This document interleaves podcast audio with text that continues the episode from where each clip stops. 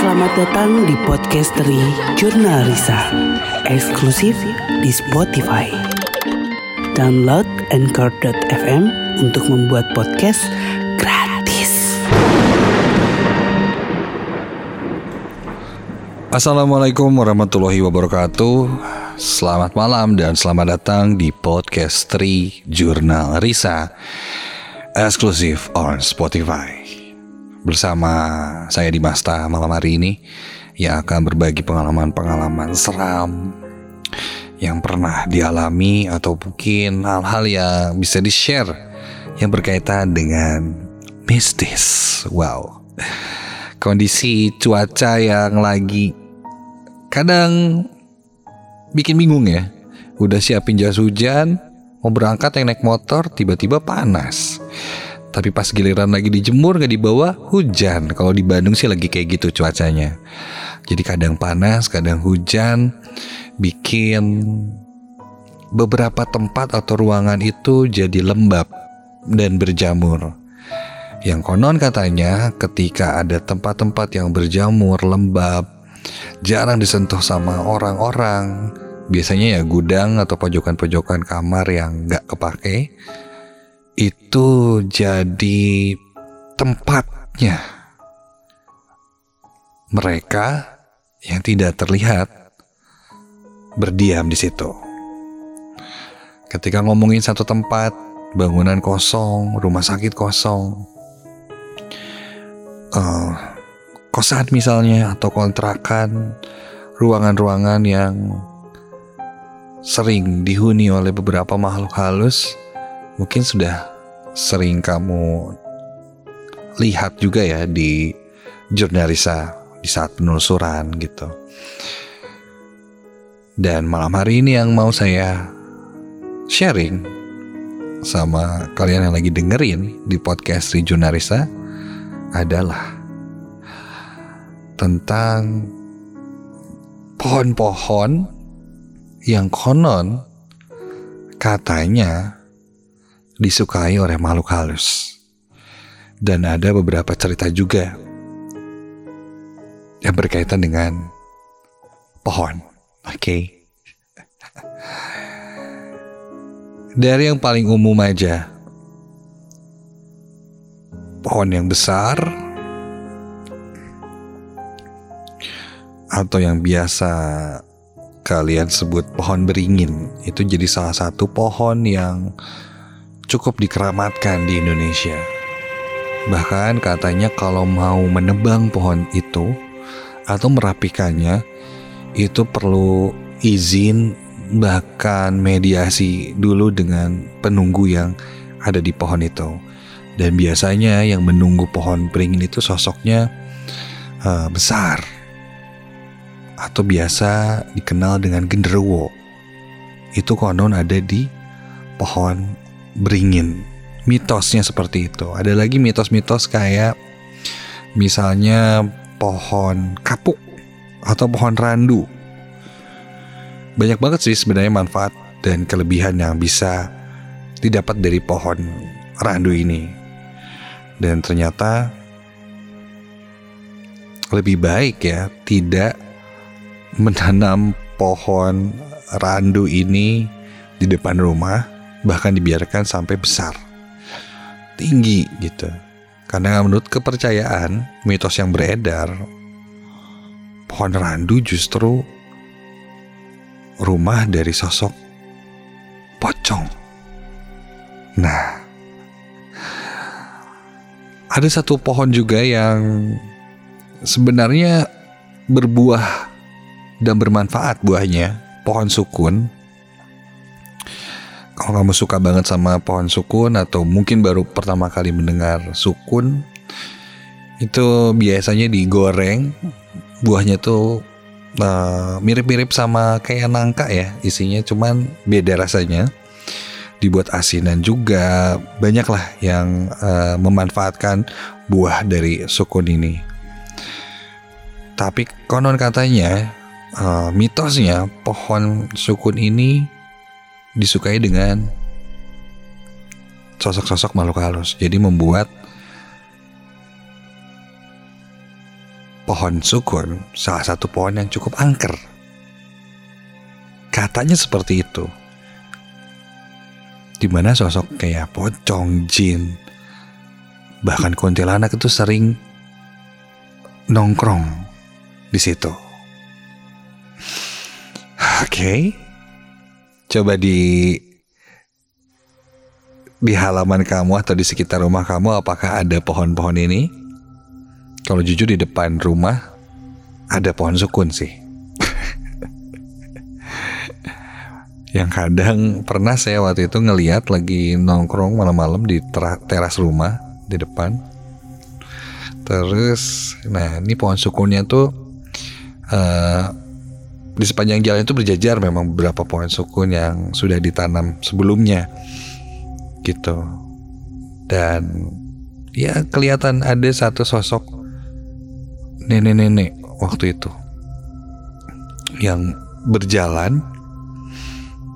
Dia uh, dari arah sebelah kiri saya jalan sak sak sak sak dan ketika lewat pohon sukun itu hilang harusnya pohon sukun kan gak terlalu besar lah ya batangnya. Ya bisa dibilang dua jengkal aja paling besar juga.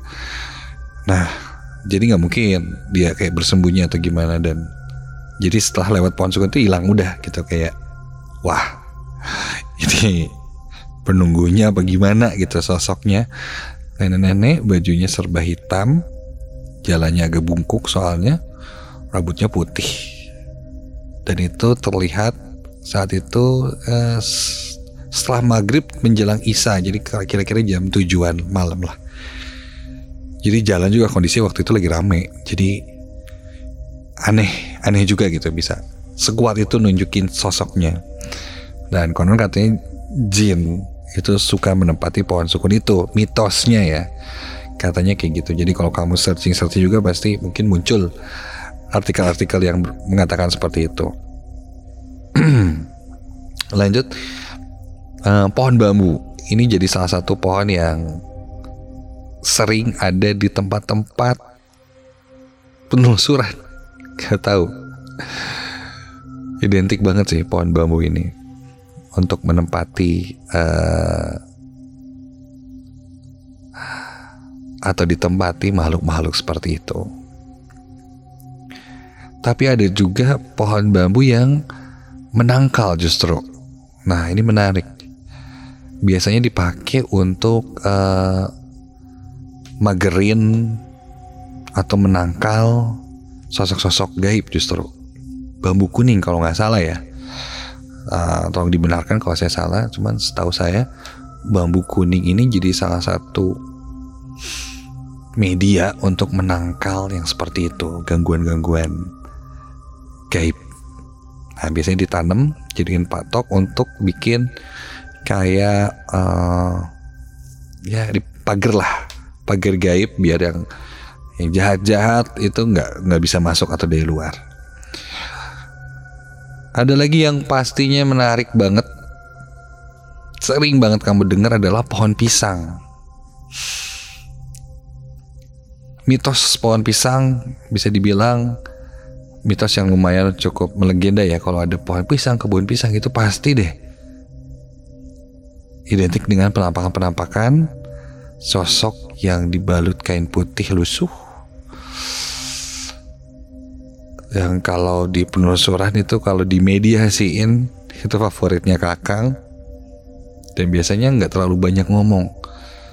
Sosok ini lemes banget kalau di mediasiin itu nggak bersemangat kadang ngomongnya nggak jelas mau disampaikan juga nggak tahu dan ini adalah sosok pocong yang konon sering menempati pohon pisang. Intermezzo dikit sebelum lanjut uh, ngomongin sosok yang satu ini ya. Kalau kemarin teman-teman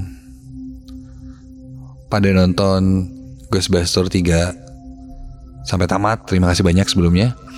10 episode Nah itu ada di salah satu episode Saya lupa episode berapa Itu kita datang ke pemakaman Berkesempatan datang ke pemakaman atau kuburan Dan waktu itu saya satu tim sama Aangga sama Riri Jalan Kuburannya agak berada di puncak gitu Lumayan tinggi Kita jalan di tangga Saya sekelebat ini ngelihat satu sosok yang cukup familiar. Eh, tar dulu. Kok ngelihat sosok ini ya? Saya belum yakin, kita jalan lagi. Dari ujung mata terlihat lagi si sosok ini. Wah, tapi nggak nggak begitu jelas uh, berwujud banget gitu ya. Cuman uh, ya cukup terlihat lah itu bentuknya seperti apa. Akhirnya saya bilang, saya coba tanya ke guide saya dulu waktu itu. Tour guide kita, kalau di sini dikuburinnya dipocongin ya? Iya betul. Seperti layaknya pemakaman muslim, dipocongkan, disalatin dan lain-lain. Oh, oke. Okay. Saya bilang ke A enggak, A ada pocong ya? A enggak dengan senyuman khasnya dia tersenyum dan ya ada Dim. Karena kan memang di sini dimakamkannya seperti itu, jadi ada juga yang berwujud pocong dan amit-amit ya ini kalau digambarkan ukurannya uh, lebih besar karena mungkin berwujud uh, orang zaman dulu ya. Jadi ini besar hampir 2 meter tingginya dia berdiri. Tingginya hampir 2 meter dan badannya tuh lebar, besar. Jadi kebayang tinggi besar. Dibalut kain putih, lusuh banget. Wajahnya oh, saya tidak terlalu memperhatikan seperti apa yang jelas ketika udah kelihatan itu kocong ya ya udah deh udah males males banget males banget dan ya itu mengerikan mengerikan dan di sana nggak ada pohon pisang di sekitar kuburan itu. Tapi sosok itu ada. Oke, okay, ya itu intermezzo sedikit. Kita balik lagi ke uh, obrolan seputaran pohon-pohon uh, angker ya. Pohon-pohon angker nih. Oke. Okay. Jadi ada satu pohon lagi nih yang uh, cukup bisa dibilang punya mitos angker adalah pohon asam Jawa. Pernah dengar ya kamu pohon ini? punya mitos angker. Dan ini tidak disarankan ditanam di halaman rumah katanya pohon asam Jawa ini. Jadi menurut beberapa kepercayaan orang zaman dulu, uh, pohon asam Jawa ini dipercaya merupakan tempat tinggal kuntilanak dan pocong. Konon mitosnya seperti itu. Itulah mengapa mereka tidak pernah membiarkan pohonnya tumbuh terlalu lebat atau terlalu lama kalau di rumah. Sama seperti pohon rindang lainnya kalau pohon asam Jawa ini juga butuh ritual tertentu sebelum akhirnya mau ditebang atau mungkin uh, dirapihin pohonnya dibatangin dan lain-lain itu biasanya punya ritual-ritual khusus uh, di ngajiin dulu atau didoain atau amit-amit dulu ya dalam arti permisi dulu ke penunggu yang ada di pohon itu memang identik pohon-pohon besar apalagi yang sudah ratusan tahun mungkin itu jadi salah satu hmm, favoritnya mereka. Ada sebuah cerita. Singkatnya seperti ini. Ada seorang driver ya. Dia driver uh, angkutan umum lah kalau sekarang bisa dibilang ya driver ojol itu tapi dia mobil datang saya waktu itu malam-malam dia bilang dia punya pengalaman yang serem. Oke, okay, saya coba dengerin. Dia bilang dia seorang driver uh, dengan mobil. Waktu itu dia mengambil seorang uh, penumpang di tengah hujan rintik-rintik sehingga ceritanya kayak gitu dan dia seorang perempuan naik ke mobil habis itu si perempuan ini terlihat tidak membawa tas, tidak membawa apa pun dan dia telanjang kaki, tidak pakai sepatu atau sandal dan kondisi bajunya basah semua. Memang pakaiannya biasa aja gitu, nggak uh, nggak mencurigakan pakai kain putih itu uh, atau mungkin gimana nggak. Tapi sejujur tubuhnya basah. Akhirnya mau ke mana? Jalan aja dulu pak. Di jalan sampai akhirnya si bapak ini ngerasa ini orang kayaknya punya gangguan jiwa atau gimana gitu ya. Karena dia kayaknya mau bayar pakai apa nih? Nggak ada ini ya. Entah ini mungkin saya udah cerita atau belum, tapi nggak apa-apa saya coba ceritain lagi. Habis gitu si drivernya buka kaca jendela, buka kaca jendela, terus dia merokok. Habis gitu si perempuannya merasa terganggu. Gitu.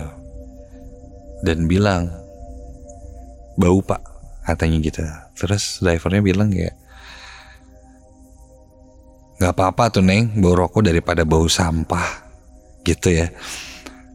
Si perempuan itu langsung melotot ke arah si bapak itu dan tatapannya marah membuat si bapak itu nggak nyaman. Akhirnya si bapak itu buang dan minta maaf lanjut lagi perjalanan dan di setiap uh, pohon yang besar si perempuan itu ingin minta berhenti selama perjalanan itu. Pak saya turun di sini aja.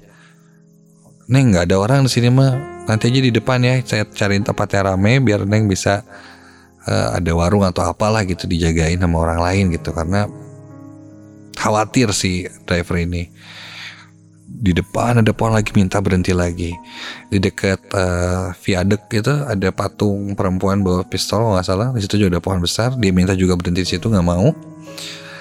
Sampai hari dibawa keliling-keliling setiap ada pohon besar dia minta berhenti tapi si bapak ini nggak mau uh, mengizinkan turun karena takut kenapa-napa nggak ada siapa-siapa karena waktunya udah malam saat itu. Sampai akhirnya singkat cerita udah maju ke uh, arah Jalan Riau dia sampai akhirnya minta berhenti di dekat uh, masjid. Ya di situ ada sebuah masjid cukup besar.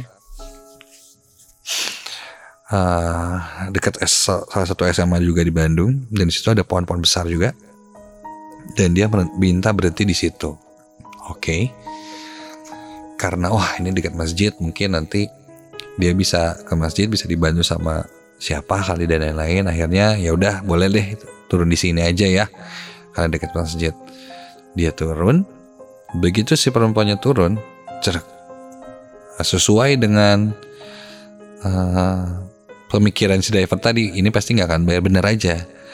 Habis itu turun itu nggak bayar sama sekali langsung lari. Tapi refleksi bapak ini keluar dari mobil keluar ngecek kiri dan kanan, hilang.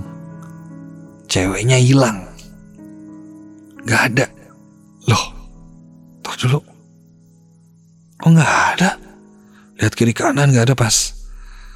Lihat ke atas, itu kan si pohonnya tuh rantingnya tinggi-tinggi dan uh, menjulur ke arah jalan juga gitu. Jadi kalau mobilnya berhenti di atas itu pas dahannya banget. Pas dia lihat ke atas, ada sosok perempuan itu melayang dia terbang di dahan pohon itu dan wujudnya sudah kuntilanak. Aduh, tertawa. Dan si bapak itu langsung kabur. Hah, ngeri. Dan ada satu uh, nggak tahu mitos nggak tahu apa ya? Ini juga ini untuk yang 18 plus ya yang mungkin yang merokok. Jadi katanya bau asap rokok itu tidak disukai oleh kuntilanak. Jadi makanya dari cerita atau pengalaman tadi yang saya ceritain apa bener nggak ya?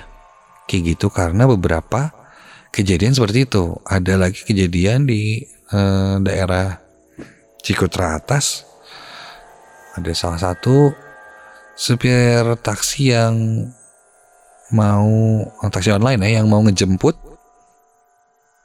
seorang customernya di daerah situ.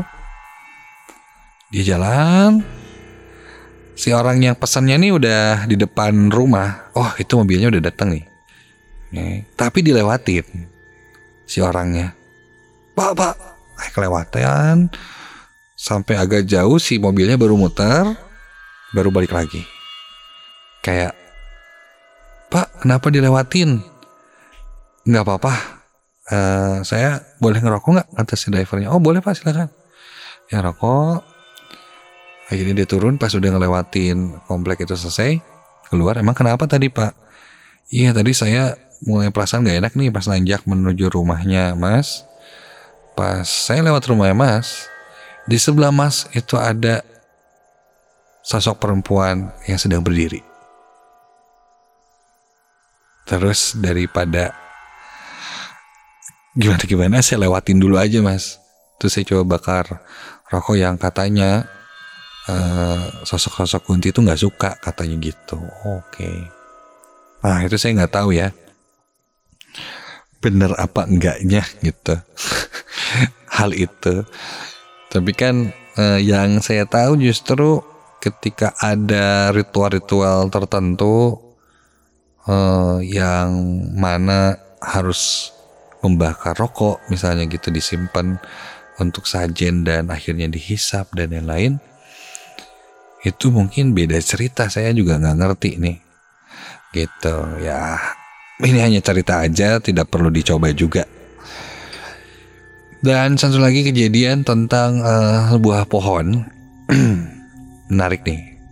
Jadi waktu itu uh, salah satu episode yang sudah tayang di Junarisa kita datang ke sebuah sekolah. Nah pada hari sebelumnya sebelum syuting, kalau nggak salah syuting hari Jumat, ya kan.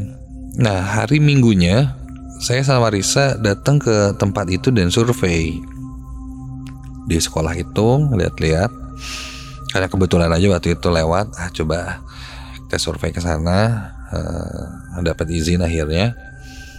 Terus kita lihat-lihat ruangan-ruangan yang memang beberapa uh, kursi dan arsitekturnya itu masih zaman Belanda banget gitu.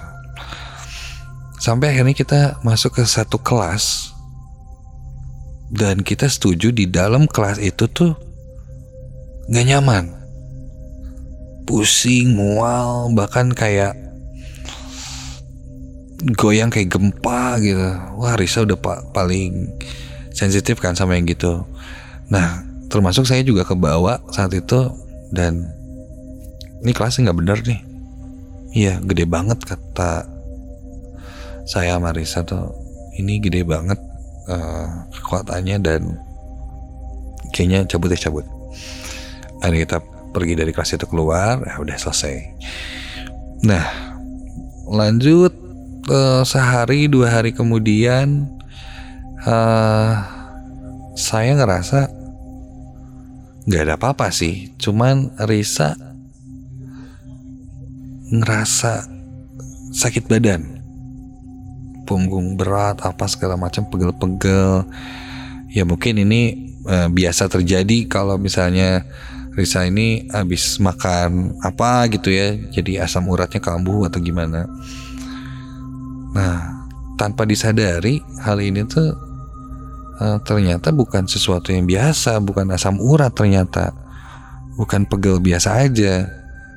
Sampai akhirnya ini dua hari setelah kita datang ke sekolah itu nggak enak badannya. Terus saya coba uh, bersihin lah ya baca-baca doa sama uh, Risa. Saya coba saya sisir ke beberapa uh, bagian badan kayak punggung atau kaki yang sakit apa sambil dipijit. Sampai uh, satu titik itu kerasa ada ada apa namanya ada energi yang cukup besar ngebalik atau ngerespon doa-doa saya. Wah, itu merinding. Risa juga ngerasain. Wah, kenapa nih? Kenapa ini? Oke, okay. si Jupat tarik si energi itu sampai akhirnya setelah saya dapat, uh, saya coba keluar keluar rumah terus saya buang keluar lah intinya kayak gitu. Saya buang keluar das. Setelah dibuang keluar saya langsung kepikir sekolah itu. Refleks kayak sem ini dari sekolah deh gitu. Dari kelas itu besar itu oke okay. saya baca-baca doa lagi buat bersih-bersih Nah di depan rumah saya itu ada uh, pohon cemara yang tinggi banget. Ya itu kayaknya pohon cemara deh. Ya pohon cemara tinggi ada tiga kalau nggak salah di depan rumah itu ada di halaman dan itu tingginya tinggi banget lebih dari rumah gitu. Memang pohon-pohon cemara yang suka ada di hutan gitu kan. Jadi tinggi tiga biji. Nah pas malam itu saya ngeliat ada empat pohonnya. Ah satu dua tiga empat. Karena tinggi banget. Ya hampir berapa ya? 10 15 meter adalah tingginya. Ah kok ini pohonnya jadi ada empat sih? Pas saya perhatikan lebih jelas lagi ternyata yang satu lagi itu bukan pohon tapi satu sosok besar hitam berbulu semuanya dan matanya merah. Dan itu sangat marah sekali. Oke. Saya langsung masuk ke dalam rumah. Dan saya cuma bilang sama Risa, ini yang dari sekolah. Ada di depan rumah. Saya hubungin Jeffrey saat itu. Video call dan langsung coba dibersihin. Coba dibalikin lagi ke tempat asalnya sama Jeffrey. Dan alhamdulillah sih setelah itu uh, semuanya lebih ringan. Badannya Risa dan lain-lain. Enak lah udah lumayan enak. Tapi sialnya hari Jumatnya kita balik lagi ke sana. Dan ketemu lagi sosok itu sekian untuk podcast Tri Jurnal Risa malam hari ini eksklusif on Spotify barengan di Masta. Ambil yang baik-baiknya, buang yang buruk-buruknya, dan sampai ketemu lagi di podcast Rijuna Risa selanjutnya. Assalamualaikum warahmatullahi wabarakatuh.